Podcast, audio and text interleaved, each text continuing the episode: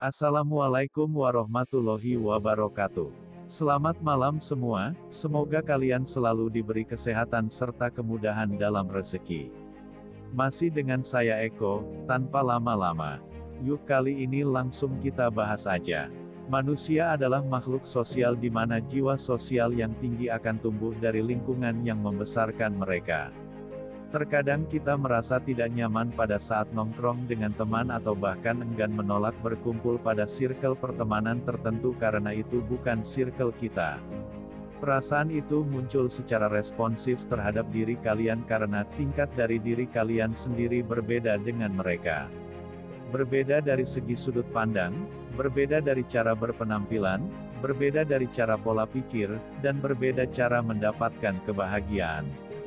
Banyak hal yang timbul dari ada yang suka nongkrong di kafe, suka liburan keluar kota, ada yang cuma dengan ngopi di depan rumah, atau nongkrong di warkop biasa.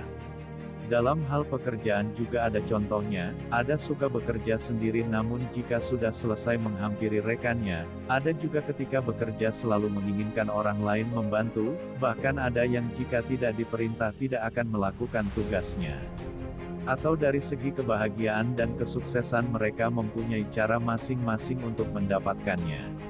Ada yang dengan pencapaian tertentu mereka sudah merasa bahagia dan sukses, ada lagi yang sudah benar-benar sukses mengejar impiannya akan tetapi masih merasa belum cukup. Hal yang perlu diperhatikan adalah kita harus tahu seperti apa mereka, kebiasaan mereka bagaimana. Setelah itu kita harus tahu bagaimana cara kita menyesuaikan diri pada lingkungan tersebut.